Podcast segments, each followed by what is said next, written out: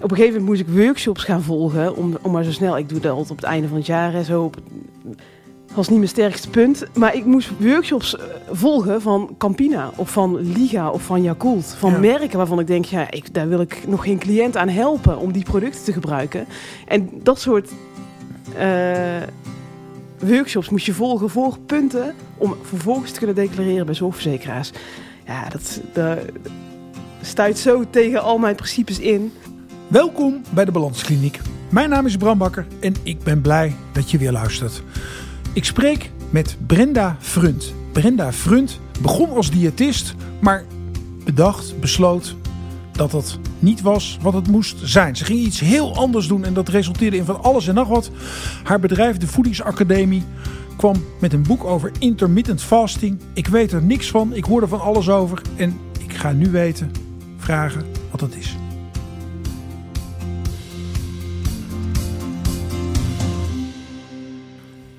Brenda, jij hebt voeding als een belangrijk thema in jouw leven. Zo mag ik het zeggen, toch? Klopt, ja. En waar, waar, waar begon dat? Hoe is het ontstaan? Ehm, op het CIOS. Ik eh, ben na mijn MAVO eh, het CIOS gaan doen in Sittard. Fitnesstrainer A en B gekozen en daar kregen we een stukje voeding. En toen dacht ik van, hé, hey, daar wil ik meer van weten. En zo na drie jaar doorgestroomd naar eh, de opleiding voeding en diëtetiek. En daar je hebt je er bovenop gedaan. Je hebt het SIOS afgemaakt. En, Ja, ik was 18 toen ik klaar was met CIOS. ja. En eh, ik wilde nog wel doorstuderen, dus eh, toen ben ik verder gegaan. Ja. en, en, en was je dan eerst een sportdier eh, met een eetstoornis? Hoe? Nee, dit is maar Nou, nou, als ik echt eerlijk ben, dan is het, het zaadje wel geplant toen ik een jaar of 14 was. Ehm, sport is echt heel belangrijk in onze familie. We hebben echt, mijn ouders die hebben ons echt heel erg gestimuleerd om altijd te blijven sporten. En we deden ieder jaar eh, met eh oud opnieuw zo'n, eh, nou, noem het even een oliebollen race mee. Mhm. Je kent die loopjes wel. En ik was puber en ik was 14 en ik dacht, eh, ik heb geen zin. Ik ga niet meedoen. En de woorden die mijn vader toen zeiden, was van, nou, iets van, eh, als je nu niet meedoet, eh, dan word je lui en dan eh, nou, word je dik. En dus nou, onbewust was dat het zaadje, een soort klein traumaatje, wat daar heb ik nooit vergeten. En achteraf gezien heb ik ja, al deze keuzes gemaakt en ben ik het Siegels gaan doen om maar niet dik te worden, want dat was zijn grootste angst. En daarna voeding en diëtetiek. En zo doorgerold. Ja, Je hebt uiteindelijk dat jaar toch ook weer meegedaan aan de oliebollenloop, omdat je niet dik wilde worden. ja, nou ja, ik, we waren hartstikke sportief, dus we waren helemaal niet dik. Maar het, het was natuurlijk wel, nou ja, de woorden legt hij dan in zijn mond. Ja. Hij, hij weet het al niet meer, hè. En ik ben hartstikke blij met hoe sportief we op zijn gevoed. En het zit gewoon nu echt in onze, ja, ik kan er gewoon niet zonder hardlopen of zonder sporten. Dus Ja. het is heel mooi wat er toen is gebeurd. Maar dat was wel het allereerste zaadje. Ja. Het, het, het- gebeurt natuurlijk steeds hè, dat sporten en, en, en eten eh, een soort van aan elkaar gekoppeld zijn. Mhm. Mensen gaan sporten en op dieet. Of ze gaan op dieet, maar ook sporten. En als je te veel weegt, moet je meer gaan bewegen. Hè, dit is, dit Mhm. is wel een hele sterke koppeling tussen die twee. Mooi, hè? Nou ja, is, is het zo vanzelfsprekend als we het nu laten klinken? Nee, als je naar de topsport kijkt, niet. Ik heb binnen, binnen PSV eh, als sportdiëtist gezeten. Ja. Nou ja, echt wat daar werd gegeten. Nul bewustwording rondom voeding. Terwijl dat toch wel als topsport wordt gezien. Ja. Dus dat is niet overal zo. In de fitnesswereld meer. Want daar kwam ik natuurlijk als eerste te werk, omdat ik daarvoor had gestudeerd. Ja. En daar zag je het meer. Ook individuele sporten, als atletiek, zie je het meer. Hm.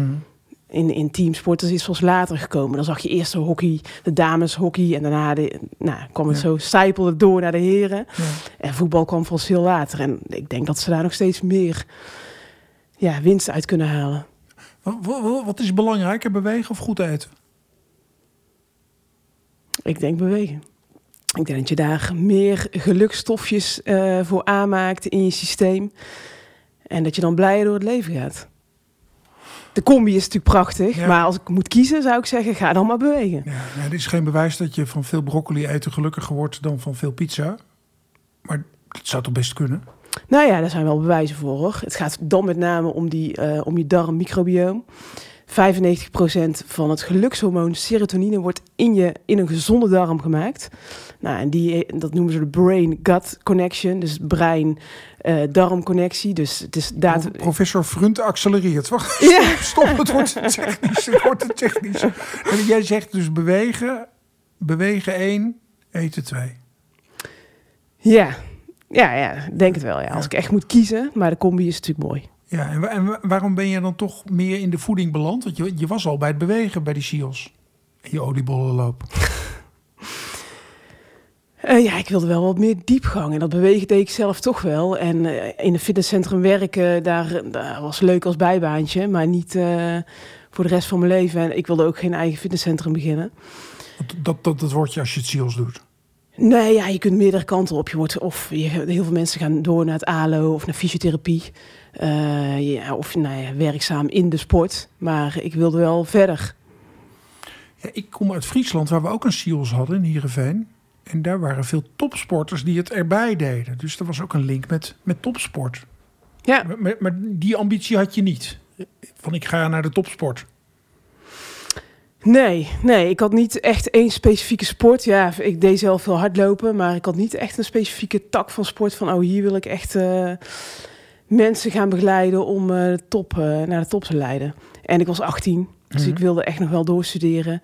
En het stukje voeding greep me ook echt. Mhm. Ja. En als je, als je nou een enorm hardlooptalent had gehad, misschien heb je dat wel hoor, maar waar- waarom, waarom, eh, waarom heb je je niet vol ingezet op eh, beter worden in bewegen? Ja, zo is het gewoon gelopen, denk ik. Ik, eh, ik, ja. ik was zo jong om daarin al een keuze te maken en om al echt te gaan werken. Ik Ja. wilde eigenlijk meer kennis Ja, vergaren. ja. En nou, ja, als je dan zo in de voeding rolt, dan kom je ook niet meer terug in die sport. Nee, maar je voelt duidelijk een verschil. Dat vo- voeding, dat is jouw passie. En sporten vind je ook leuk en belangrijk. En, hè, dus daar is, dus het zijn, het zijn Mhm. verschillende kwaliteiten die ik waarneem. Ja, Of zit ik nu te veel nee, nee, interpreteren? nee, Ja. absoluut. Ja, nee, voeding is wel echt een passie geworden uiteindelijk. Ja. En dat heb ik met nou, het stukje bewegen. Ja, voor mezelf leuk, maar daar houdt het bij op. Ja. Kan je, kan je nog terugfilmen wat, wat zeg maar jouw eerste grote ontdekking was? Toen je, toen je in die voeding ging verdiepen. Het eerste van je dacht van, oh, zo zit dat. Of, oh, dat klopt helemaal niet. Of, wat, de, de misvattingen die je tegenkwam. Nou, die kwamen eigenlijk later. Want de opleiding eh, tot diëtist eh, duurt vier jaar. Mhm. En daarna ben ik meteen mijn eigen praktijk gestart.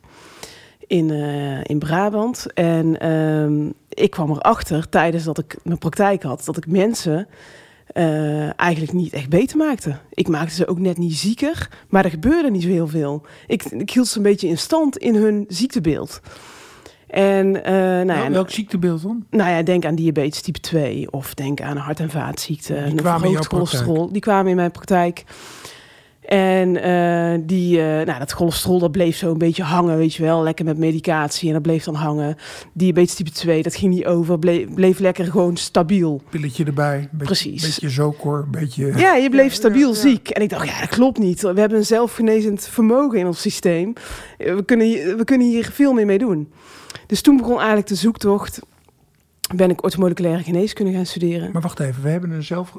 Dus jij had dat zelfgenezend vermogen, dat had je wel bedacht? Had je dat Ja, nee, ik, nee, dat had ik al wel zelf bedacht. Ik, eh, ik, had, ik voelde echt iets van, nee, er klopt gewoon iets niet wat we nu aan het doen zijn met medicatie. En we, we kunnen er ook gewoon mee stoppen met die medicatie. Dat, dat gevoel had ik heel sterk, maar ik, ik kon nog niet precies zeggen waar het hem dan in zat en wat ik dan daar zelf nou ja, voor kennis in kon vergaren om dit ook te delen met de mensen. Ja, maar je, je was nog niet heel oud en toen begon je je eigen praktijk. Dus misschien dacht je wel dat je mensen ging genezen. Toen wel, ja, Ja? dacht ik, ja. Maar na twee jaar dacht, zag ik van, hé, hey, er gebeurt eigenlijk niet zoveel. Ja, welkom in de gezondheidszorg, Brenda. Ja. Ja, ja, Dat was het, ja. En eh, nou, het grappige is, want jou, dat was jouw vraag net, van eh, nou, wa- wat was dan opvallend wat je hebt geleerd? Ehm, tijdens de studie orthomoleculaire geneeskunde werd alles anders. Was, het was echt alles wat ik in de diëtetiek had geleerd, was precies tegenovergestelde. bijzonder. En, en, en help ons even wat de opleiding orthomoleculaire geneeskunde is. Want diëtetiek kunnen de meeste mensen denk ik plaatsen. Een mbo-opleiding of ook een HBO. HBO-opleiding, ja. En, en wat is orthomoleculaire geneeskunde voor soort opleiding? Ehm, het is een, eh, eh, ook een HBO-studie, zeg maar. Voor, de meeste mensen doen het na hun HBO. En je gaat nog dieper in op, eh, op het lichamelijk systeem, zeg maar, hoe het echt werkt. En het gaat vooral vanuit de, waar we vandaan komen. Dus het, de oerprincipes. Waar komen we vandaan? Wat, eh, wat hebben we altijd gegeten? En wat zijn de veranderingen in de laatste duizenden jaren? Wat, wat hebben we dusdanig veranderd? Waarom we nu zijn zoals we zijn? Waarom we nu zoveel chronische zieken hebben? Maar kan je orthomoleculaire geneeskunde studeren aan, aan, aan dezelfde hogeschool waar je ook diëtetiek doet? En krijg je dan ook gewoon een studiebeurs? Nee, nee, nee, nee. nee. Nee, want daar, daar, daar gaat natuurlijk iets mis, hè? Want eh, jij, jij hebt, je hebt daar andere inzichten op gedaan in die studie diëtetiek. Mhm. Ik, ik ben ook zo'n traditioneel opgeleide dokter. En bij orthomoleculair denk ik gelijk aan kruidenvrouwtjes en uh.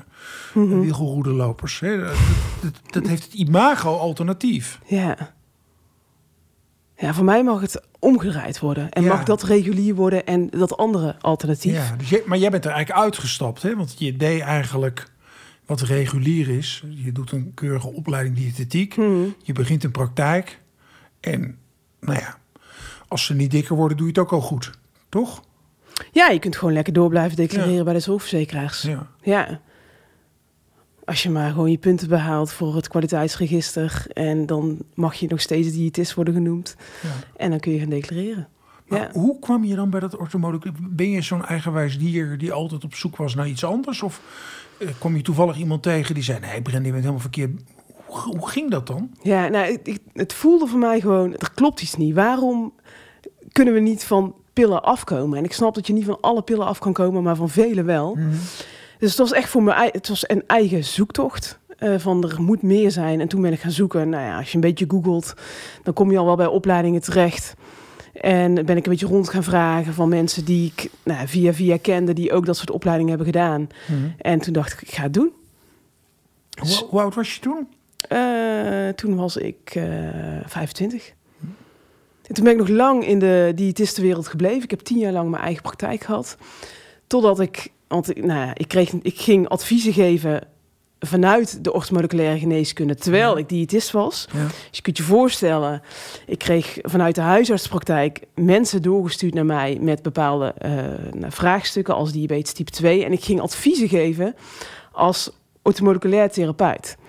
En nou, wat ik dan bijvoorbeeld aangaf is van... fraude. Dat is fraude. Ja, dat is fraude. Ja. Ja. Maar, en ik kreeg het vooral terug vanuit eh, de praktijkondersteuners en de huisartsen. Van, eh, ja, waarom adviseer jij roomboter? Daar gaat je cholesterol van omhoog. En eh, dan probeerde ik het uit te leggen. Nee, van halverine en margarine gaat je cholesterol omhoog. Dus ik, ik probeerde het gewoon inhoudelijk uit te leggen. Maar nou, op een gegeven moment kwamen er zoveel discussies. En hun konden zo niet mee in, in deze adviezen... dat ik nou, gestopt ben met de praktijken dat ik alles heb verkocht en eh, ook me heb uitgeschreven als diëtist. Eh, dus ik, nou, niet meer declareerbaar bij zorgverzekeraars en eh, een andere pad ben ingeslagen. Het kostte me zoveel frustratie en onmacht van... Ja, nee, goed. Deze oud-psychiater herkent van alles. Dus daar, hoeven niet, daar hoeven we niet op in te zoomen. Maar ehm, er, zijn, er zijn twee mogelijke aanvliegroutes. Hè? Dus het kan zijn van vroeger was ik een heel dik meisje. En, en, en Ook was geen dik meisje. nee, nee, dat was jij niet. Nee, maar dan, dat hoor je mensen zeggen. Hè? Dus ehm, om, omdat dat mij de oplossing heeft gebracht, Mhm. eh, ben ik dat gaan doen. Dat is dan niet op jou van toepassing. Wat op jou van toepassing lijkt, is dat je het nodig hebt gehad om te zien hoe het niet moet. Ja. Om te bedenken wat je dan wel gaat doen. Mhm. Want, en en dat is eigenlijk de vraag. ehm, was je ook waar je nu bent als je niet al die jaren eh, frustrerende diëtetiekpraktijk had gehad? Hè, dus he- heb je het niet ook nodig gehad? Ja, absoluut. Ja, het was echt een hele mooie, mooie les. En ik heb, eh, nou ja, ik denk dat ik wel duizenden cliënten heb begeleid. En dat heb ik, daar ben ik zo dankbaar voor. Daar heb ik zoveel van geleerd. Van, eh, er, waren, er zijn gewoon mensen geweest in mijn praktijk die tegen mij zeiden vooraf al... bij de kennismaking van Brenda, heel leuk dat ik hier ben, maar ik ga geen enkel advies van je opvolgen, want ik wil gewoon een pilletje, maar ik moet hierheen van de huisarts. Ja. Ik was super blij dat ze het vertelde, want ik heb natuurlijk ook honderden cliënten gehad die hetzelfde dachten, maar Ja. niet durfden uit te spreken. Ja. Ja, en, en over mensen die eh, aan mij vroegen van eh, mag, ik, eh, mag ik ook bij je komen zonder eh, iets over voeding te, eh, te vragen of over voeding te hebben. Ik was gewoon een verkapte psycholoog. En nou, ik zei ja, tuurlijk ben je welkom. Je mag ook bij me komen zonder... Ja, ik kon wel gewoon declareren bij de zorgverzekeraars. Ja, zo, en zo. Je, ho- je hoort hier de cursus motiverende gespreksvoering, die hoor je hier al in doorklinken. Ja, Ja, dus dan ben je een halve psycholoog, ja. ja, en goedkoop ook nog. ja. Maar het is natuurlijk een beetje een oneerbiedige vraag, maar ik stel hem toch. Waarom zijn er nog diëtisten? Waarom zijn er nog diëtisten? Ja, misschien om. Er zijn zoveel mensen. En ik denk, ik, ik denk serieus dat ik ook wel een aantal mensen echt heb geholpen. Eh, misschien niet van een diabetes afkomen, maar wel eh, nou, in ieder geval begeleiden naar een iets betere leefstijl. Dus ik denk echt serieus dat er goede diëtisten zijn die mensen echt helpen. Die mensen kunnen motiveren om een leefstijl vol te houden. Eh, maar als huisarts er zelfs geen. Ik heb een keer een huisarts gehad. Die. eh, was, was een cliënt die wilde heel graag van zijn diabetes type 2 af. En die zei, ik eh, ken een programma, keer diabetes type 2 om. En die wil ik graag gaan doen. Maar de huisarts die zei pertinent nee, want die had er geen vertrouwen in dat hij dat ook vol ging houden. En eh, die, zit, die zat natuurlijk ook gewoon aan medicatie. En er was allemaal gedoe om die medicatie dan te veranderen. En dus er moeten eigenlijk meer mensen meegaan dan alleen de cliënt. Ja. Ik moest ook de huisarts nog eens overtuigen van nee, dit, dit Ja. kan hij wel. En als hij, ja, dus op zich, ik denk wel dat diëtisten ook dat kunnen doen, hè? ook die rol mogen pakken. Maar of dat veel gebeurt, dat weet ik niet. Maar ze zijn er dan misschien toch eerst en vooral omdat de huisarts er nog steeds mee werkt. Ja, het, het zit dan toch in de verwijsstructuur, in de, in de organisatie van ons zorgstelsel. Mhm. Want je verwijst liever naar iemand die declarabel werkt... dan naar Brenda waar je zelf moet betalen. ja absoluut. Ja, het, en dat zit ook zo bijzonder in elkaar, heel dat kwaliteitsregister. Je bent er natuurlijk bekend mee. En bij ons is het zo dat je dan een aantal workshops moet, vo- moet volgen voor punten. En natuurlijk stagiaires begeleiden en zo. Ja. Op een gegeven moment moest ik workshops gaan volgen. Om, om maar zo snel, ik doe dat altijd op het einde van het jaar. En zo op, op het einde van die vijf jaar eh, begon ik daarmee. Veel te laat natuurlijk. Dat was niet mijn sterkste punt. Maar ik moest workshops eh, volgen van Campina of van Liga of van Yakult. Van Ja. merken waarvan ik denk, ja, ik, daar wil ik nog geen cliënt aan helpen om die producten te gebruiken. En dat soort eh, workshops moest je volgen voor punten om vervolgens te kunnen declareren bij zorgverzekeraars. Ja, dat, dat stuit zo tegen al mijn principes in. Maar, maar, maar weegt dat ook niet mee in het feit dat die diëtisten er nog zijn? Dat de firma BCL heel veel investeert in... eh, u bent goed bezig, mevrouw, als u in plaats van roomboter BCL neemt. Absoluut. Ja. En ook die opleiding voeding en diëtiek, eh, er zitten echt wel goede dingen in. Maar ik weet nog een tentamenvraag.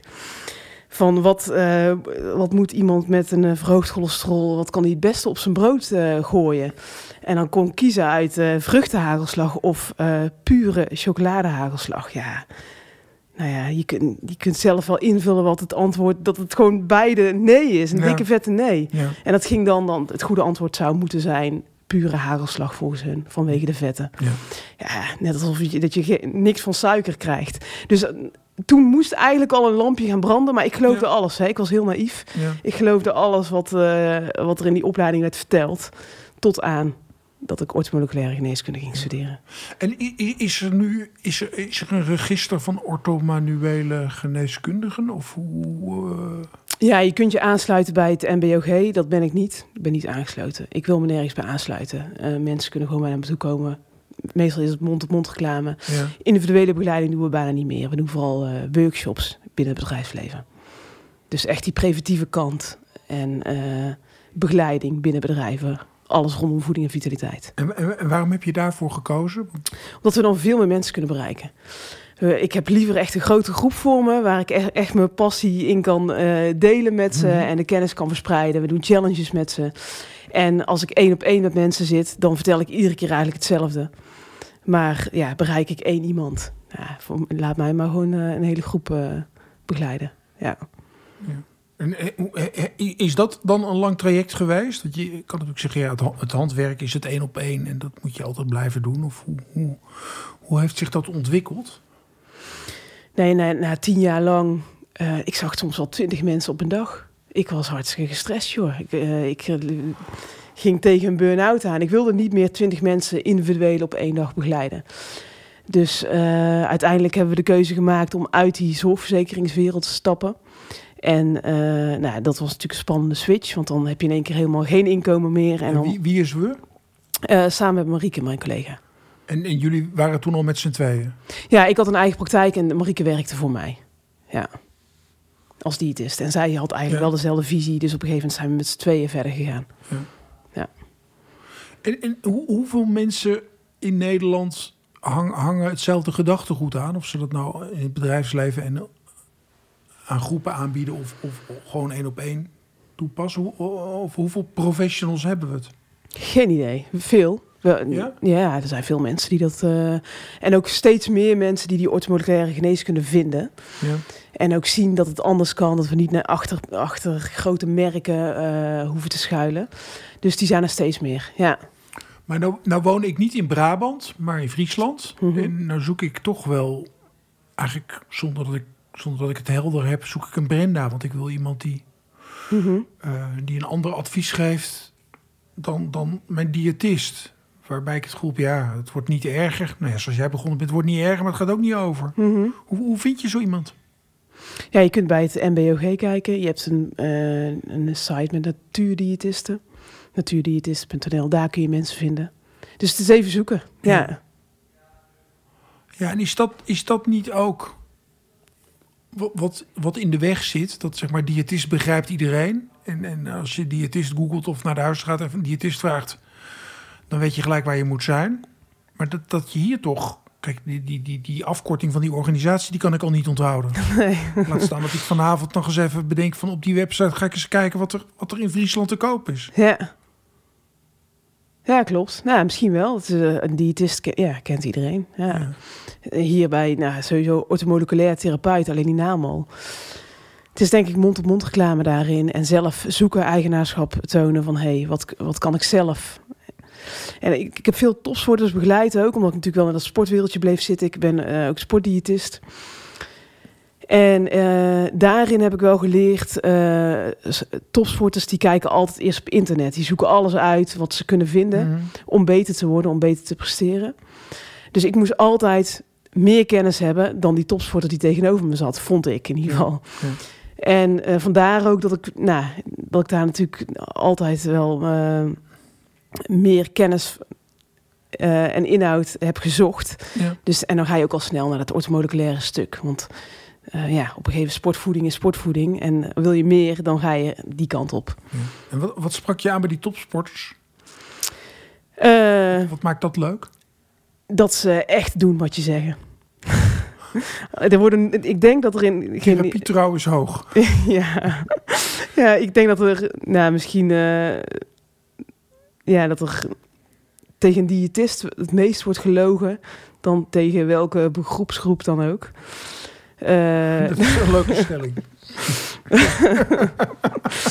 Tegen de diëtist wordt het meest gelogen. Nou, ja. Maar een, een topsporter moest ik eerder remmen met adviezen die ik gaf, dan dat ik ze hoefde te stimuleren. Terwijl ik juist in die groep die ik toen begeleidde, die tien jaar lang, ah, ik moest echt soms trekken aan dode paarden. Ik, dat was zo motiveren en maar weer doorgaan en Mhm. eh, nou, Mhm. iedere keer meepraten, empathisch zijn, noem maar op. En Mhm.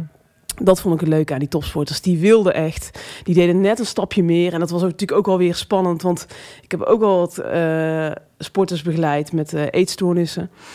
Eh, want dat zag je natuurlijk ook voorbij komen. Dat als ze dan echt met hun voeding bezig gingen. Dat, dat je daar al... Ja. Ja. je leeft een beetje op de grens als Ja. topsporter. Ja. Ehm, maar ja, goed. Dat maakt het dan ook wel weer... eh, nog interessanter om die mensen daarin zo goed mogelijk te begeleiden dat ze niet die grens overgaan. Ja. En is, is, er, is er nog veel rek in de topsport qua voeding? Want er zijn natuurlijk genoeg topsporters die op een gegeven moment maar naar de doping grijpen om nog beter te worden. Maar eh, zouden ze nog veel kunnen verbeteren? Door anders te eten, denk? Absoluut. Ja? Ja, ja. zeker. Daar is echt nog veel winst te behalen. Je, vooral eh, om zo efficiënt mogelijk eh, je verbranding in te zetten. Uh, veel sporters kunnen eigenlijk alleen maar koolhydraten verbranden, suikers. Dat is Ja. heel makkelijk, dat kan Ja. elk eh, lichaam. Ja. Maar om ook je vetten in te zetten als brandstof, dat is veel moeilijker. En het mooie is als je het beide kan. Dus dat je, nou, zijn je suikers op, hoppakee, dan kent jouw lichaam ook dat vetverbrandingsstuk. Ja. En daar is nog veel winst te behalen. Dat je echt metabool flexibel wordt. Metabool flexibel, dat vind Mooi, ik ook hè? mooi zeg. Ik wil heel graag metabool flexibel worden. Ja. Klinkt eigenlijk veel beter dan eet BCL. Word metabool flexibel. Want ehm, de aanleiding om jou uit te nodigen voor dit gesprek was dat, dat je inmiddels jezelf eh, hebt geprofileerd als een, als een expert op het gebied van intermittent fasting. En daarvan denk ik als onnozele consument, dat, dat is weer de zoveelste hype. Kan ik me voorstellen. Ja, Ja, Dus leg ons eens uit wat intermittent fasting. Wanneer ontdekte jij intermittent fasting en wat, wat maakte je zo enthousiast? Ehm, tijdens de studie KPNI, de klinische psychische neuroimmunologie, die heb ik gestudeerd na de orthomoleculaire Je geneeskunde. blijft studeren. Ja, het, Ja. het is gewoon echt Ja. super mooi. Ik blijf nieuwsgierig. En daarin kwam ik er voor het eerst mee in aanraking. En toen dacht ik van ja, maar dat kan ik toch niet. Ik kan toch niet mijn ontbijt laten staan. Dus toen heb ik het een beetje voor mezelf uitgetest en, en weer vergeten. Totdat ik de opleiding, weer een opleiding, inter- tot intermittent living coach ging volgen. Ja, die ging je dan toch met een reden doen? Ja, want Ja. het- ja, Ja. Ik, ik blijf nieuwsgierig. En Ja. we deden veel met koude training. En dat hoort ook bij dat intermittent living stuk. Het was een week lang in de Belgische Ardennen. En daar hebben we eh, een week lang dus... We wisten het programma niet. En we wisten ook niet wanneer we te eten kregen. We- Niet wanneer we gingen bewegen. Het was één grote verrassing om zo flexibel mogelijk te zijn als mensheid, zeg maar. Leuke opleiding. Ja, ja, ja, het was fantastisch. Het is Ja. echt, eh, nou ja, je wordt echt ondergedompeld. eh in, we, we hebben vier uur lang daar rondgelopen in de Ardennen, nuchter. Dus zonder voeding, maar ook zonder eh, vocht. Mochten ook niet drinken. En dan kreeg je weer een maaltijd. We kregen, kregen ongeveer twintig maaltijden in die, eh, in die zeven dagen. Eh, dus dat is net geen drie keer per dag eten. Ehm, we kregen geen 20 maaltijden. Ik denk 14. We kregen ongeveer twee maaltijden per dag. Ja, dus dat is 14. Eh, maar wel echt goede maaltijden. Dus dan was het echt veel groente, gezonde vetten uit vis en Mhm. nou ja, eieren, noem maar op. Ja. Dat waren, waren echt mooie maaltijden. En ehm, we mochten de eerste dag en de laatste dag gingen we ons bloed testen. Eh gingen, werden er heel veel buisjes afgenomen, zodat we ook verschillen konden zien in voor en na. En eh, tijdens de opleiding deden we iedere ochtend een nuchtere glucosemeting. En nou, de eerste dagen was het nog een beetje, eh, nou, een beetje normaal, zoals, zoals het normaal ook is, zeg maar, als ik gewoon eh, eh, thuis ben. Zoals je het als diëtist kende. Ja, precies. ja. En op een gegeven moment zag je die bloedwaarden zo zakken. Dat er eh, dan eh, geeft dat metertje ook aan van, oh, je moet nu echt een glas vruchtensap drinken, want anders ga je ten onder, zeg maar. Eh, een huisarts was, En dat, dat is niet zo. nee, nee, ik voelde me beter dan ooit. Ja. Ik had me nog nooit zo goed gevoeld. En ik kon nog steeds vier uur wandelen door de heuvels van de Belgische Ardennen. Dus toen kwamen we er pas echt achter wat dat periodiek vasten met je kan doen.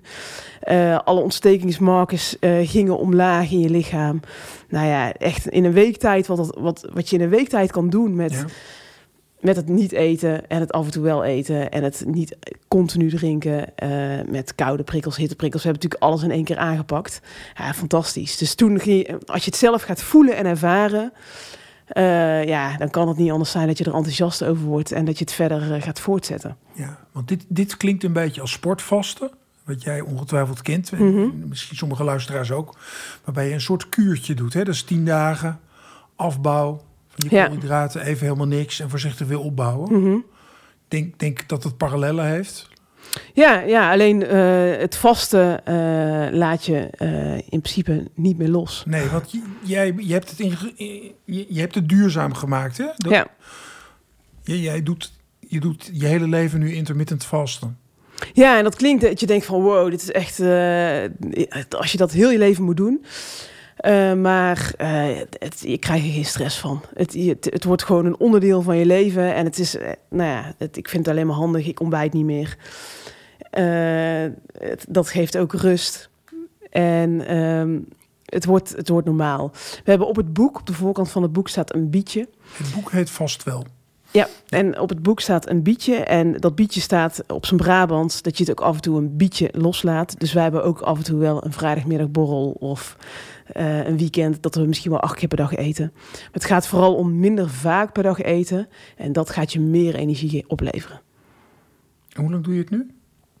Ehm, ja, sinds die Belgische Ardennen, dat is twee jaar geleden, eh, heel fanatiek. En daarvoor af en toe. En we, zitten nu, eh, as we speak, ergens eh, in de tweede helft van de middag. Wat, wat heb je nou vandaag al genuttigd? Ik heb eh, vanmiddag samen met Marieke op kantoor een omelet gegeten.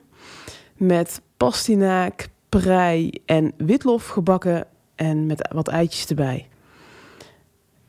En wat fruit na. Sinaasappel, appel. Ja. En, en, en hoe valt dat dan in het tijdframe? Want ik heb dan altijd de fantasie dat je dan 's middags om vijf uur pas begint of zo met eten.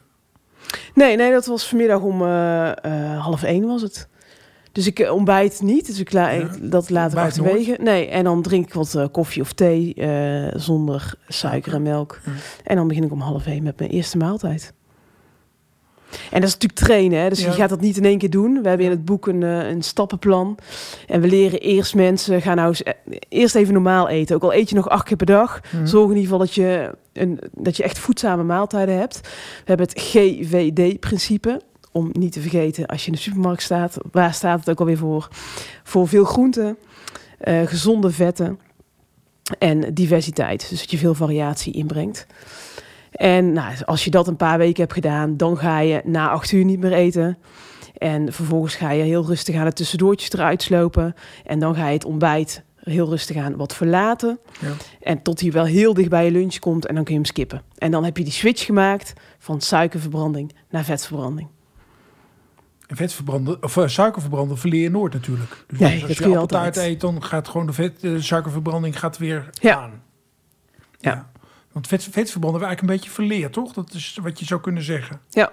De meeste mensen niet meer weten hoe ze vetten moeten Nee, verbranden. er is geen schaarste meer hè? In, de, in- in de jagers- en verzamelaarsperiode had je natuurlijk periodes met schaarste en periodes met overvloed. Ja. En we moesten altijd in beweging komen voordat we iets konden eten. Dus we gingen altijd nuchter bewegen. Dus dan zat je veel vaker in die vetverbranding. Maar nu rol je bij wijze van uit bed. Je hebt nog geen stap genomen en je zit al aan je ontbijt. Ja.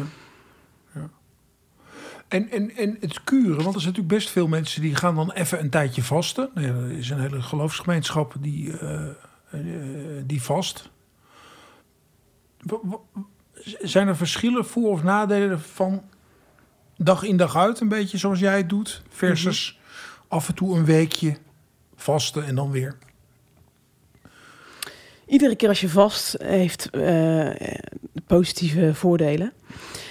Vooral het stukje autofagie treedt in. En autofagie betekent eigenlijk het opruimen van oude celonderdelen. Dus je eet Mhm. een, perio- een lange periode niet. Je moet dan ongeveer, bij de meeste mensen schakelt dat in rond 14 uur vasten. Dus 14 Ja. uur niks eten of drinken. Ja. Ja, en qua drinken kan wel gewoon water of thee zonder suiker en melk. Ehm, en autofagie Ehm, dan, als er geen eten in je systeem zit, geen voeding, dan gaat jouw lichaam op een andere manier eh, aan brandstof komen. Ja. En dat is door cellen met een foutje of cellen die niet helemaal goed meer werkzaam zijn, in te zetten als brandstof. Dus nou, het is daarnaast dus ook nog eens een, iets heel moois. Het is gewoon één grote eh, Opruimactie. op- opruimactie van, Ja. je, van je lichaam. Ja. Ja. En ja, dat doe je dus ook als je gewoon een, een weekje even vast en dan weer een tijdje niet.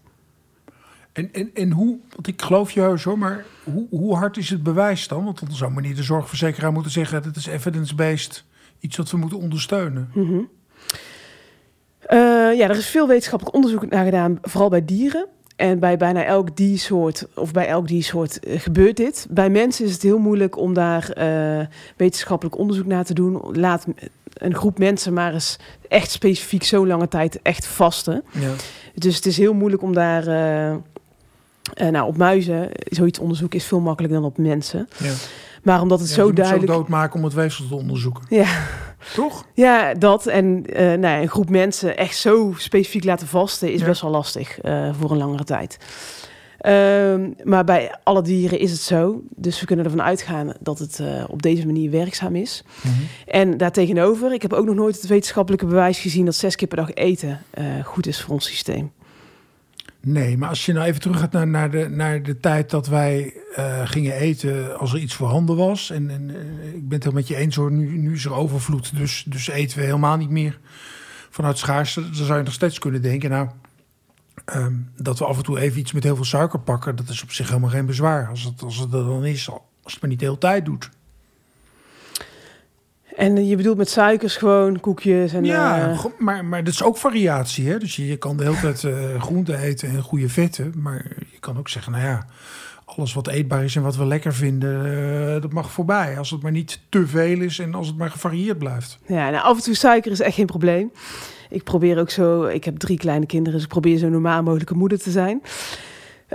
In deze huidige maatschappij, wat is normaal? Ja. Maar uh, uh, suiker is wel echt ontstekingsbevorderend voor je hele systeem. En er is eigenlijk, ik, ik kan niks positiefs over suiker zeggen, dan dat het je misschien een fijn gevoel geeft als je het eet. Kortstondig. Um, maar nee, suiker is niet iets wat, uh, wat je lichaam een tekort heeft. Je lichaam heeft nooit een tekort aan, uh, aan fristie of zo. Nee. nee. Er zitten geen voedingsvezels in, er zitten geen vitamines, mineralen in. Het, pleegt eigenlijk alleen maar roofbouw op vitamines, mineralen. Dus het hoort niet in het rijtje variatie thuis. Nee, maar waar, waarom, is, waarom is voeding dan toch zo'n gevoelig en omstreden onderwerp? Want ik weet over onderzoeken met de ketogeen dieet bij mensen met kanker. Hè? Uh, tumoren groeien, groeien harder als je veel suiker eet. Dus mm -hmm. als je dan toch kanker hebt, helaas, wat je zelf kan doen, is, is, is het suiker uit je dieet bannen. Nou, mm -hmm. uh, worden mensen allemaal heel erg boos. Uh, oncologen zeggen, nee, maar juist als u kanker heeft en zo'n moeilijk behandeltraject zit, moet u vooral slagroomijs eten als, als u dat een goed gevoel heeft. Ja. Ja, ik dat heb, gebeurt, hè? Ja, ja, dat gebeurt. Nou, als diëtist ook, hè. Je, als mensen zwaar ondervoed zijn uh, vanwege een ziektebeeld als kanker, dan wordt er uh, nutritia voorgeschreven. Ja, ja, calorieën erin. En er zit veel suiker in. Roomboter. Ja, dan mag het. ja. ja, dus nee, ja, absoluut. Daar is nog wel winst te behalen in de adviezen die daar worden gegeven. Ja. En, en kijk, de, de, in, in, de, in de vergoede zorg zit weinig rek, denk ik, op dit moment. Hoe, hoe, hoe, hoe schat jij in dat, dat het in bedrijven gaat? Want dat, dat zijn dan jouw klanten. Mm -hmm. is, is daar beweging? Voel je daar wel meer interesse? Is er zeg maar, in verantwoord nadenken over wat goed is voor je werknemers? Gebeur, gebeuren daar wel dingen? Ja, zeker. Ja, steeds meer denk ik ook. Uh, ze willen natuurlijk het ziekteverzuim zoveel, zo, ja, zo laag mogelijk houden. En ja. Uh, nou ja, als ze daarop in willen zetten, dan is beweging, uh, voeding, dan zijn het wel onderwerpen die worden aangesneden. We zijn bij een groot bouwbedrijf in, in Rosmaal heel actief. En we begonnen daar met gewoon een, een, een workshop over voeding. En uh, twee jaar later, recent, hebben we met een hele grote groep uh, gevast. Een challenge vasten gedaan. Dus echt, nou, dat hadden we tien jaar geleden niet kunnen bedenken. Dat er in een bouwbedrijf werd gevast. Hm. Dus nou, daar wordt zeker wel uh, meer mee gedaan dan voorheen. Ja. Maar zou het dan niet ook heel makkelijk zijn om, om zo'n zogenaamde RCT, Randomized Clinical Trial, te doen, waarbij je bij loting de helft van de werknemers in de chill uh, laat vasten en de andere helft niet, en dan de, dan de verschillen meet? Want dan heb je, dan heb je bewezen uh, dat het werkt. Ja, ik ben geen onderzoeker. Dus uh, wat mij betreft uh, laten we... Zou het niet goed zijn dat het onderzoeker komt? Want ja. jij weet wel dat het werkt. En je, je, voor jouw geloof is het niet vereist. Maar mm -hmm. In, in de beweging richting uh, nou ja, verantwoordelijke werkgevers. Ja, ja, ik denk dat er meer pijlers dan daarbij komen kijken. Hoe gestrest is iemand? Ja. Hoeveel beweegt iemand? Hoe slaapt iemand? Ja, er, er zijn natuurlijk... Voeding is, een, is één van de tools voor een betere leefstijl. Uh, dus als, als je, als je zo'n onderzoek opzet, ja. maar iemand beweegt totaal niet, ja. Nee, maar dan, je mag maar één variabele tegelijk manipuleren. Dus als je behalve vast ook laat bewegen, dan weet je niet meer waar de verbetering verband mee houdt. Dus... Precies, dat is best een moeilijk onderzoek, ja, hè? Zeker, ja. zeker, zeker. En, en hoe lang duurde dat bij dat bouwbedrijf, die, dat met elkaar vast? Hoe lang doe je dat al? Vier weken. Het is eigenlijk een te korte periode. We hebben een 100 dagen programma uh, die we eigenlijk aanbieden. Maar bij dit bedrijf hebben we het in vier weken gedaan. En dan kun je de eerste stappen zetten in het vasten. Dus dan ga je het heel rustig opbouwen. De eerste week ga je na acht uur niet meer eten. En de tweede week ga je de tussendoortjes eruit halen. En dan in de laatste week eh, hebben ze echt eh, eh, nou, nuchter laten bewegen. En gaan ze twee keer in die week gingen ze 16 uur vasten. En ze gingen rustig ademhalen. En hebben jullie, hebben jullie metingen gedaan of heb je gewoon gevraagd van hoe voel je? Ja, ja. Dus echt gewoon, wat is je energie, energieniveau in week 1? Ja.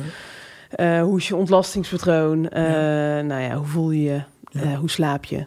En dan in week 4 ook weer. Ja. En, en, en, die 100 dagen, die kan ik als individuele consument bij jou, bij jou op de website gewoon boeken? Ja.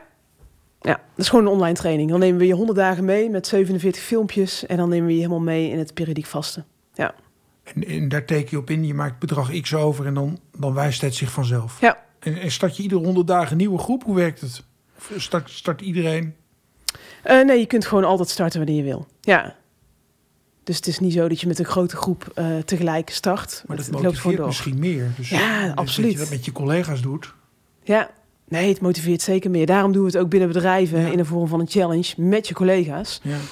En vaak proberen we dan ook dat de partner of de buurvrouw of wat dan ook uh, ja. aansluit. Ja.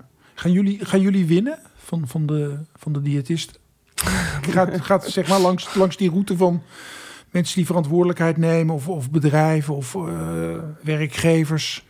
Ga je dan uiteindelijk uh, groter en invloedrijker worden dan de diëtist die wordt aangestuurd door een huisarts die allerlei kennis misschien niet heeft? Uh, ik weet niet of groter worden, maar het wordt sowieso leuker om met ons mee te gaan doen. En nou ja, niet de grote industrie na te volgen. Ja. ja. Ik denk dat je meer plezier eraan beleeft en dat je ook echt tot een doel komt. Dat je echt de preventieve geneeskunde ingaat. Ja, ja. ja en het is natuurlijk, staat helemaal los van een diagnose. Ja. Je gaat vasten omdat je denkt, ik voel me misschien beter. Hmm. Ja, en door die challenges en door het zelf te ervaren, dan, dan stop je er niet meer mee. Daar ben ik echt van overtuigd. Nou, ik, ik, ik meld me hierbij aan voor die 100 dagen, dus dat hebben we afgesproken. Um, dan wil ik toch nog iets van jou weten. Want je bent dan heel goed en tevreden en verantwoord met eten bezig. Maar er zijn misschien toch ook nog steeds dingen in dit leven die jouw balans bedreigen. We zitten hier in de balanskliniek. Uh, waar moet jij op letten om niet ontregeld te raken? Uh, sporten, blijven hardlopen. Als ik een week niet uh, ben geweest, dan is er denk ik gelukshormonen die in de weg staan. Ja. En ja, dan, kan, dan voel ik echt, dan heb ik echt een beetje zo'n depressief gevoel en denk, oh shit, wat is er aan de hand? Waarom, oh. ga je dan, waarom ga je dan soms een week niet?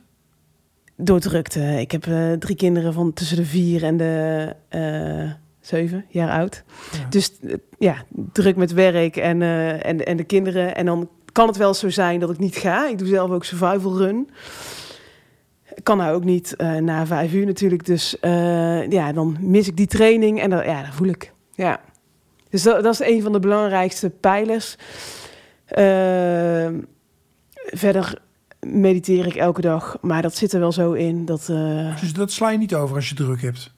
Nee, nee, maar natuurlijk heel vroeg. Dus uh, ik start om zes uur, van zes tot zeven. Dus dat, ja, ik heb nooit iets. je kinderen nog? Ja, ik heb nooit iets om zes uur.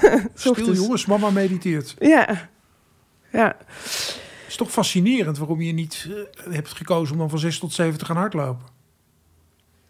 Ja, dat is echt mijn momentje inderdaad. Nou, ik, ik loop ook wel eens hard als ik uh, maar dat meer nu is het donker. Het is nu winter, dus dan gaat mediteren uh, boven hardlopen in het donker. Hmm. Maar ik doe het ook wel eens andersom. Hmm. Ja. En, en wat, wat, wat voel je als je, als je te veel verzuimt? Word je prikkelbaar? Slaap je niet? Uh... Krijg je losse handjes? Nee. Je wil dood? Wat, hoe uit het zich? Uh, nee, ik, uh, ademhaling, die gaat echt uh, omhoog. En ik word prikkelbaar. Ik word een beetje chagrijnig en kortaf. En ja, een beetje zo richting de depressieve gevoelens, zeg maar. in, de, in die praktijk waar ik dus lang heb gewerkt... Um, ben ik in 2011 had ik echt naar echt richting een burn-out. Ik had chronische hyperventilatie. Dat was niet, uh, dat was geen diagnose, maar achteraf gezien dacht ik van, oh, daar komt het vandaan. Ik was continu zo het ademhalen, zo tussen de cliënten door, zeg ja, maar. Ja. En uh, ik ben een jaar op reis gegaan. Eh, daardoor, ik dacht, ik moet, hier- ik moet hier echt even uit, uit deze situatie stappen. Dus ik heb diëtisten in mijn praktijk gezet en ik ben zelf een jaar gaan reizen. En toen, nou, daar kwam ik erachter van, oh, ik ben gewoon echt eh, mega veel aan het ademhalen. Dus eh, ik had verademing moeten lezen. Heb ik niet gedaan. Nu wel, maar Eigenlijk zeg je, pak, pak verantwoordelijkheid op op het moment dat je voelt dat het niet goed gaat. ja, ja, eigenlijk van tevoren al dat je het herkent. Ik herkende het niet. Ik, ja, ik was eigenlijk onbewust heel hard aan het werken. En voor wie? En ik bedoel, als je voelt dat je, dat je eigenlijk gewoon weer eens even moet gaan hardlopen, dat je het dan ook gaat doen. Dus, dus Ja, precies. dat, je, Ja, dat je dan jezelf in een ander standje zet. ja. En, en Brenda is wel een meisje die als ze merkt dat er iets niet goed gaat, dan gaat ze ermee aan de slag. Mhm. ja Toch? absoluut. Ja. Ja. Nou, ik eh, ben een stuk wijzer. Fijn. Dankjewel. Ik ga vast wel lezen. En intermittent vasten, 100 dagen lang. Top. We begeleiden je graag. Jullie horen van me. Dankjewel.